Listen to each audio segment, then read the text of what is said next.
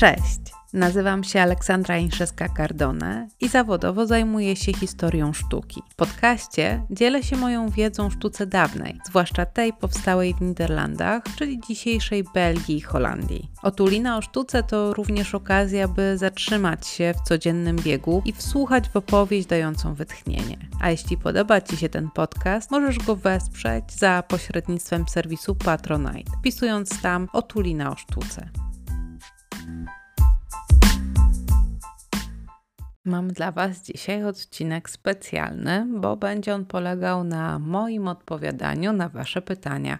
Jest to też ostatni odcinek w tym roku, bo zdecydowałam, że zafunduję sobie trochę odpoczynku w czasie świąt i w tym czasie około noworocznym. Dlatego pierwszy nowy odcinek będzie w nowym roku 2024. Jest to też 39 odcinek naszych spotkań. Musiałam zwalczyć pokusa, żeby może nagrać jeszcze jeden, żeby zakończyć okrągłą liczbą, ale to jest jednak dowód na to, że bardzo trzeba dbać o swoje granice i pamiętać o tym, że praca to jest naprawdę ciężka rzecz i czasem warto dać sobie trochę przestrzeni, żeby odpocząć. Połowa grudnia to też dobry moment, żeby podziękować wszystkim moim patronkom i patronom za to, że ze mną jesteście. Równo rok temu założyłam swój profil w serwisie Patronite. Było to dla mnie dosyć duże wyzwanie, ponieważ proszenie o wsparcie finansowe za pracę, którą się wykonuje, a jednocześnie bardzo się ją lubi, zawsze jest ciężkim wyzwaniem, zawsze jest takim przekroczeniem gdzieś swoich ograniczeń. Ale zdałam też sobie sprawę z tego, że bardzo potrzebuję tego wsparcia, bardzo potrzebuję też motywacji, która się z nim wiąże. Dlatego serdecznie dziękuję wszystkim Wam, którzy zdecydowaliście się wesprzeć mnie każdą kwotą, ponieważ każda z nich ma dla mnie olbrzymie znaczenie. I szczerze, dzięki temu dużo łatwiej prowadzi mi się zarówno ten podcast, jak i konta na Facebooku czy na Instagramie. Czuję po prostu, że to, co robię, ma dla Was sens a jednocześnie też czuję, że ten ogrom pracy, który w to wkładam, ma jakieś przełożenie na rzeczywistość. I dlatego w tym miejscu chciałabym podziękować wszystkim patronkom i patronom, którzy mnie w chwili obecnej wspierają, a oto Wasze imiona. Dziękuję zatem Pani Adze, Paulinie, Ewie, Kindze, Marzenie, Panu Adamowi, Pani Małgorzacie, Pani Katarzynie, Panu Zdzisławowi, pani Annie, panu Arturowi, pani Edycie, pani Helenie, pani Kasi, pani Aldonie, pani Lenie, pani Agacie, pani Patulinie, pani Karolinie, Ewie, Agacie, Hannie, panu Adamowi, pani Violetcie, pani Katarzynie, pani Annie, pani Agnieszce, pani Ewie, pani Monice, panu Martinowi, pani Marlenie, panu Bartłomiejowi, panu Maciejowi, pani Agnieszce, pani Marcie i panu Damianowi. W dużej mierze bez Waszego wsparcia nie udałoby nam się zajść tak daleko. A teraz przejdźmy do najprzyjemniejszej części tego odcinka, czyli do odpowiedzi na Wasze pytania. I tak się składa, że to pierwsze, które od Was dostałam, jest też świetnym wprowadzeniem do naszej sesji pytań i odpowiedzi. A oto ono które dzieło sztuki było tym, które wpłynęło na Twoje życie tak, że postanowiłaś być historyczką sztuki. To trochę tak jak z pytaniem o ulubioną piosenkę albo o ulubiony film. Trudno wskazać jeden tytuł czy jeden punkt, który mógłby odpowiedzieć na to pytanie. Pamiętam jednak jedno dzieło jeszcze z domu moich rodziców, gdzie na ścianie wisiała reprodukcja obrazu, który znajduje się w ermitażu. Myślę, że tutaj ta nasza historia i możliwość kontaktu raczej z państwami bloku wschodniego przeważyła nad w ogóle dostępnością takiej reprodukcji. To była, nawet nie wiem teraz, kto sprowadził e, tą reprodukcję, bo to byli może moi dziadkowie. I mam tutaj e, na myśli obraz Powrót syna marnotrawnego Rembrandta, dzieło jak mm, u Rembrandta dosyć takie monochromatyczne, bardzo pracujące światłem i cieniem. Byłam w stanie odczytać postaci stojące, klęczące i myślę, że zastanawiałam się nad relacjami, jakie je łączą. bo to jest takie dosyć brunatne w kolorystyce. Jeszcze w tej reprodukcji ona była całkiem niezła jakościowo, ale wciąż domyślać się trzeba było, co tam właściwie się znajduje i dlaczego też to dzieło ktoś uznał za na tyle ważne, ażeby je zreprodukować, a potem ktoś z mojej rodziny je kupił i powiesił na ścianie. Kiedy teraz Wam opowiadam tą historię, to żałuję, że nie zapytałam e, wtedy żadnego z moich dziadków, czemu akurat ten obraz znalazł się u nas w domu. On co prawda nie wpłynął na mój wybór tej drogi, którą wybrałam, bo ona była dosyć przypadkowa, jak wtedy mi się wydawało, i była raczej jakąś wypadkową różnych zdarzeń, które miały miejsce w moim życiu, łącznie z obejrzeniem filmu Jak ukraść milion dolarów z Audrey Hepburn i Peterem O'Toolem. I chciałam tak jak on być taką detektywką, która pracuje ze sztuką, pobiera dyskretnie próbki i z nich jest w stanie odczytać, czy coś jest oryginałem, czy może jest kopią, falsyfikatem. I chociaż zdecydowanie praca kustoszki w muzeum, praca historyczki sztuki jest e, mniej e, pełna splendoru niż to zostało przedstawione w tym filmie, ale rzeczywiście w wielu miejscach muszę posługiwać się logicznym myśleniem, wyciąganiem wniosków zupełnie jak detektyw. A jeśli miałabym wskazać jedno dzieło sztuki, które było na samym początku mojego zainteresowania historią sztuki i takie, które do mnie przemówiło, to była Batrzeba czytająca list od króla Dawida, również Rembrandta, ponieważ tam byłam w stanie wprowadzić bardzo dużo takiej narracji, która była mnie bliska, różnych przemyśleń, też o naturze bycia kobietą, o takim bardzo osobistym wymiarze. I myślę, że wtedy narodziła się też moja fascynacja czy takie wręcz emocjonalne połączenie ze sztuką Rembrandta i docenienie jego potencjału jako świetnego opowiadacza historii o ludzkich przeżyciach, losie, w ogóle o człowieczeństwie. Drugie pytanie, które od Was otrzymałam, to pytanie o to, jakie arcydzieło, gdybym mogła, powiesiłabym u siebie w domu. I tutaj też jednoznaczna odpowiedź jest bardzo trudna. Myślę, że łatwiej byłoby mi wybrać kolekcję w jakimś muzeum, która najbliższa mi jest pod tym kątem. To znaczy, że na przykład chciałabym mieć z niej jak najwięcej obrazów. I tutaj raczej National Gallery w Londynie byłoby moim faworytem. Stamtąd obrazami, które chciałabym powiesić u siebie na ścianie, byłaby kąpiąca się dziewczyna, znowu Rembrandta, ale też krawiec namalowany przez Moroniego. Bardzo chciałabym mieć też portret młodej księżniczki namalowany przez Jana Hosarta, głównie dlatego, że trzyma ona astrolabium i jest coś fascynującego w tym zestawieniu narzędzia naukowego z właśnie młodą dziewczyną, co dla mnie jest nieoczywistym połączeniem w tamtym czasie. Myślę też, że gdyby ktoś zdecydował mi się ofiarować Hansa Holbeina, młodszego ambasadorów, to też znalazłabym dla nich miejsce na ścianie. Każde z tych dzieł ma w sobie albo jakąś zagadkę związaną z osobą, z emocją, z pewną tajemnicą, albo oraz są pięknie namalowane o bogatych kolorach, takich, które sprawiają, że samo patrzenie uspokaja gdzieś w środku, przenosi w inny wymiar, a potem jeszcze długo we mnie zostaje. Oczywiście ta króciutka lista nie wyczerpuje wszystkiego, co chciałabym z National Gallery w Londynie. Tutaj specjalnie nie wymieniłam portretu Arnolfinich, ponieważ jest w nim coś dla mnie niepokojącego, takiego dystansującego mnie od tych przedstawionych postaci. Może właśnie brak takiej ich emocjonalnej strony, a takie upozowanie, które sprawia, że mm, ten obraz jest dla mnie trochę zimny i wtedy nie chciałabym go mieć dla siebie, ale oczywiście bardzo miło mi się też o nim czy opowiada, czy na niego patrzy. Kolejne pytanie to dlaczego osoby z portretów amerykańskich malarzy XVIII-wiecznych mają nieatrakcyjne twarze? To jest bardzo trudne pytanie, ponieważ nie znam się na malarstwie XVIII-wiecznym amerykańskim, więc jedynie mogę domyślać się, o jaką nieatrakcyjność chodzi. I oczywiście tutaj możemy mieć do czynienia z kilkoma elementami. Po pierwsze, kwestia estetyczna to, co dzisiaj nam się podoba, niekoniecznie za atrakcyjne było uważane w dawnych wiekach i odwrotnie.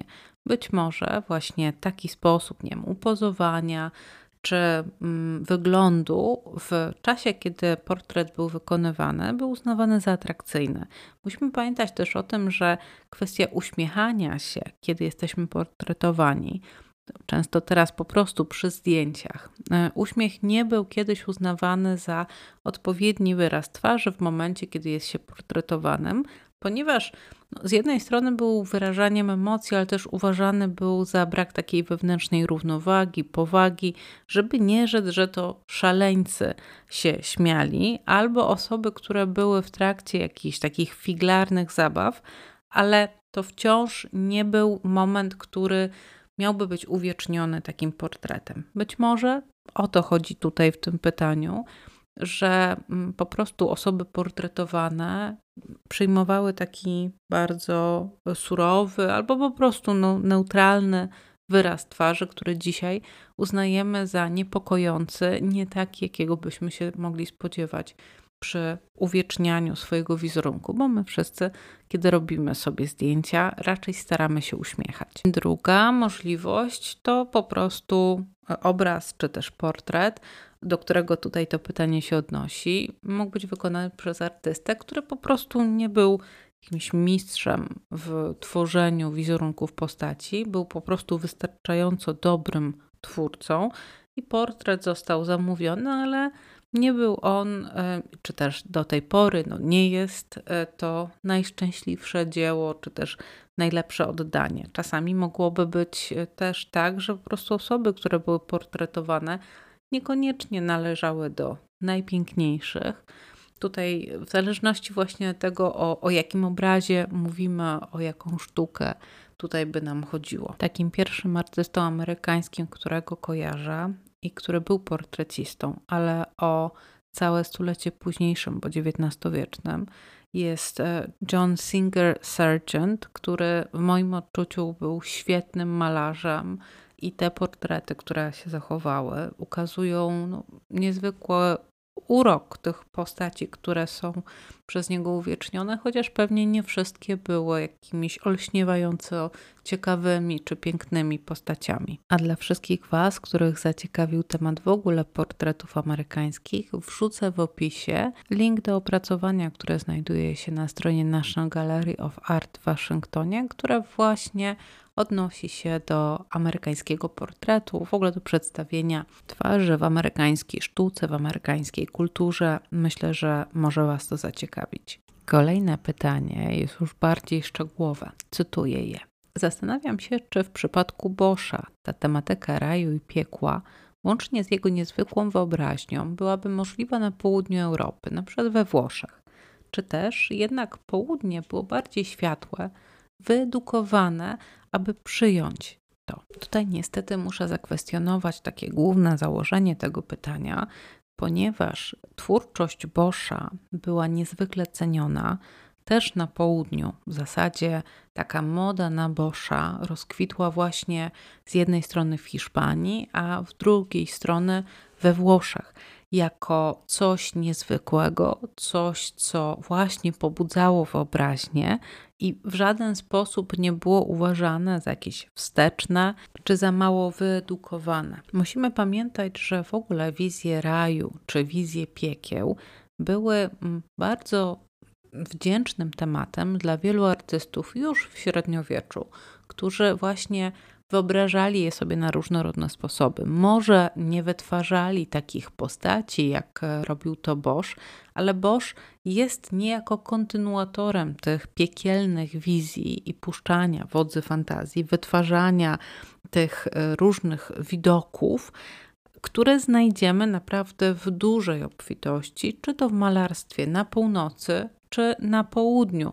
No chociażby tutaj przywołując freski Giotta, które ukazują piekło. I tam też można powiedzieć, pewna doza fantazji była jak najbardziej mile widziana. Dodatkowo początek XVI wieku to oczywiście rozwój mm, renesansu we Włoszech, ale też rozwój takiej świadomości tego, czym jest wyobraźnia, jak można jej używać.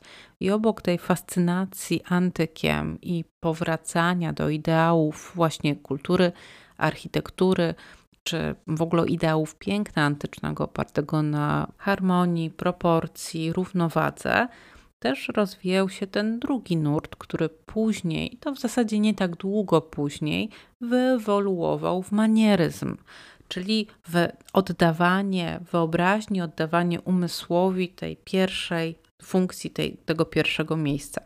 I tutaj dzieła Boscha były również bardzo cenione i były właśnie to jest ten moment, kiedy kolekcjonowanie Boscha, zwłaszcza w Hiszpanii przez króla Filipa II, osiągnie swój najwyższy szczyt. Będą też pojawiali się tacy naśladowcy e, dzieł Boscha, którzy nie są bezpośrednio czy z nim związani i w żaden sposób no, nie, nie wychodzili z jego warsztatu, ale będą artystami, którzy zrozumieją, że jest pewna moda na tego twórcę i będą właśnie w XVI wieku stosować te jego rozwiązania. Co więcej, jednym z takich artystów był przecież Peter Bruegel, który najpierw pracując w takim wydawnictwie publikującym różnego rodzaju ryciny, był tym, który zarówno reprodukował różne kompozycje Boscha, ale również wymyślał swoje, które wręcz imitowały czy tworzyły złudzenie, że są dziełami zaprojektowanymi przez Boscha. Dlatego tutaj byłabym bardzo ostrożna z takim krytycznym ocenianiem tej jakości, czy też z taką próbą przeciwstawienia jakiegoś światłego sposobu podchodzenia do sztuki we Włoszech, a przedstawiania sztuki Boscha jako coś wstecznego, bo tak nie było. Ta sztuka ceniona była za to, że była właśnie bardzo postępowa, wykorzystująca motywy, które funkcjonowały w sztuce średniowiecznej, ale w nowy, odważny sposób, który odwoływał się bardzo często albo do mm, głębokiej znajomości czy przysłów, czy to do głębokiej znajomości kultury, literatury, takiego obrazu ówczesnego świata. Kolejne pytanie przenosi nas nieco w czasie, bo znowu do Rembrandta tutaj się odwołamy.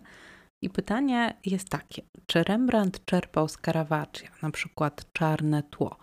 Czy to nie ma związku? Wpływ Caravaggia w XVII-wiecznym malarstwie europejskim był przeolbrzymi i chociaż Rembrandt nigdy nie podróżował do Włoch, to byli tacy artyści, którzy wyjeżdżali właśnie z terenów e, Niderlandów, jechali do Włoch, tam uczyli się malarstwa, obserwowali to, co było najnowszym trendem, i pomimo tego, że nie mieli oni kontaktu z samym mistrzem, to znaczy z Caravaggiem, ale mieli kontakt, zwłaszcza w Rzymie, z jego obrazami, które przecież były wystawione na widok publiczny i które wówczas rewolucjonizowały sposób myślenia o malarstwie, bo właśnie na przykład wprowadzały owo ciemne, czarne tło, które tutaj pojawiło się w pytaniu, i kontrastowały z bardzo mocno oświetlonymi postaciami czy też przedmiotami.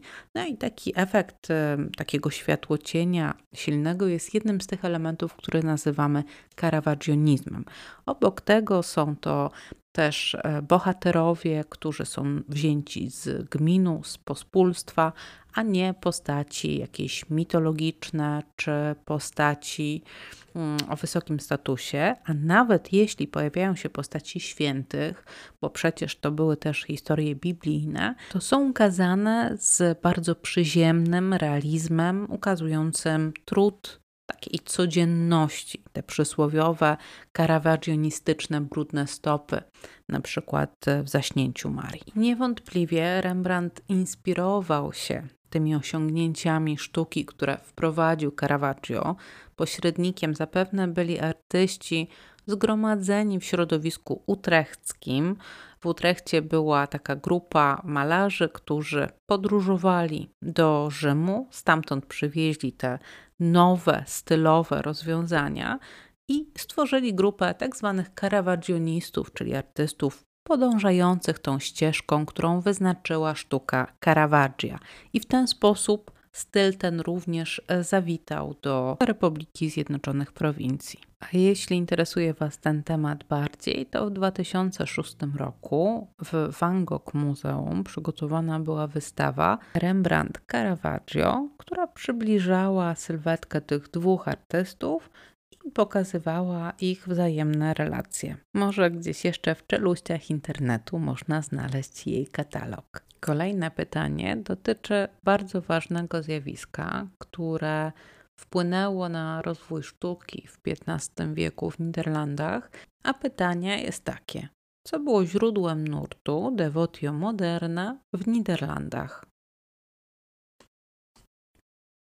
Tak się składa, że owa nowoczesna pobożność, jak należałoby tłumaczyć nazwę łacińską, rozwinęła się w ogóle w Niderlandach w XIV wieku. Twórcą nurtu był Gerard Grot i właśnie on napisał takie dzieło, które zatytułował Devotio Moderna. Dalej miał swoich naśladowników, miał swoich zwolenników, którzy podążali za tą ścieżką, którą opisał w swojej publikacji. To był generalnie taki powrót do zasad chrześcijaństwa, u tej podstawy, u tego zarania też tworzenia się e, chrześcijaństwa, czyli propagował ideały czystości, ubóstwa, cnoty, miłosierdzia, gdzie bardzo ważne było praktykowanie tego w codzienności. I myślę, że tutaj leży istota popularności tego ruchu, który wyszedł z Niderlandów, później rozlał się niejako po Niemczech również. Tworzone były zarówno takie wspólnoty świeckie, które określały się mianem braci wspólnego życia, ale nie tylko musiało być to devotio moderna zauważalne właśnie w takim parazakonnym trybie, ale pojawiało się również w codziennych praktykach, czy to mieszczan, czy nawet wśród arystokracji, gdzie nacisk kładziony był na taką prywatną pobożność, na modlitwę, na kontemplację, czy to ofiary Chrystusa, czy w ogóle świętych wizerunków. I to ma swoje przełożenie na twórczość, na tematy też, które były podejmowane przez artystów niderlandzkich. I dlatego też tak często wspomina się o ruchu devotio moderna, kiedy mowa o XV-wiecznym malarstwie niderlandzkim. A jeśli interesuje Was więcej na ten temat, to polecam drugi tom książki profesora Antoniego Zięby Sztuka Burgundii i Niderlandów. I ostatnie pytanie, które ładnie domknie nam tutaj ten pierwszy cykl pytań i odpowiedzi. Na południu pionierami sygnowania dzieł byli Jan van Eyck, Albrecht Dürer, Lukas Kranach. A jak to wyglądało na południu dla porównania? Południe, czyli Italia, to było miejsce, które dowodziło, przewodziło wówczas, jeżeli chodzi o podpisywanie, osygnowanie dzieł sztuki. To tam narodził się renesans i tam przywrócone zostały ideały antycznego indywidualizmu, humanizmu, określania autorstwa właśnie dzieł i też myślenia o dziełach jako wytworze czyjejś e, imaginacji, kreacji, i to był bardzo ważny element. I stamtąd właśnie przyszła moda, przyszła inspiracja do tego, ażeby dzieła podpisywać. Tu można byłoby się zastanawiać, jak rozumieć w tym kontekście Jana Wanajka, dlatego że to jest rzeczywiście artysta tworzący przecież w pierwszej głównie połowie XV wieku, który sam zapewne wpadł na to, ażeby przynajmniej w formie takiej gry słownej określać swoje dzieła jako wykonane przez niego. W zasadzie to małżeństwo Arnolfinich jest bardziej opisane niż podpisane, ponieważ podpis Jan van Eyck wkomponowany jest niejako w całą scenę, w kompozycję. Nie jest to taki klasyczny podpis, o którym myślimy teraz, kiedy mówimy, że dzieło nosi sygnaturę artysty. A kolejny wielki indywidualista sztuki północnej, który właśnie podpisywał swoje dzieła w zasadzie jako pierwszy w tak wielkim stopniu, Albrecht Dürer, przejął ten zwyczaj właśnie od artystów z południa, od artystów włoskich, kiedy odwiedził ten kraj w jednej ze swoich podróży. najciekawszą anegdotę o tym, jak ważne zaczęły być podpisy, sygnatury w sztuce włoskiej, przynosi nam nikt inny jak ojciec kronikarstwa artystycznego, czyli Giorgio Vasari w biogramie Michała Anioła. Zgodnie z nią, Michał Anioł miał mieć w zwyczaju odwiedziny przy piecie, która już wówczas była ustawiona w kościele. I któregoś razu zupełnie przypadkiem podsłuchał, jak grupa turystów z Lombardii, pytając siebie nawzajem, kto jest autorem tej pięknej rzeźby, dała sobie sama odpowiedź, że jest to taki rzeźbiarz z Mediolanu, Il Gobba. No i Michał Anioł wówczas miał nie dać nic poznać po sobie, owego wielkiego zawodu na pewno, którego doznał, ale według Wazariego zakradł się później wieczorem do owego kościoła, zaopatrzony w lampkę i dłuto i wykuł w bardzo widocznym miejscu na pasie przebiegającym przez pierś Madonny swoje imię, nazwisko i określenie, że to właśnie on jest autorem tego dzieła. Rzeźba pochodzi z 1499 roku, a w następnym XVI wieku już mało który artysta nie podpisywał swojego dzieła. Tym pytaniem zamknę dzisiejszy odcinek. Bardzo dziękuję wszystkim, którzy podzielili się ze mną swoimi pytaniami. Muszę przyznać, że pewnym wyzwaniem było znajdowanie odpowiedzi na wiele z nich. A ja życzę Wam wszystkim spokojnych świąt i równie spokojnego końca i początku roku, a my słyszymy się w nowym 2024.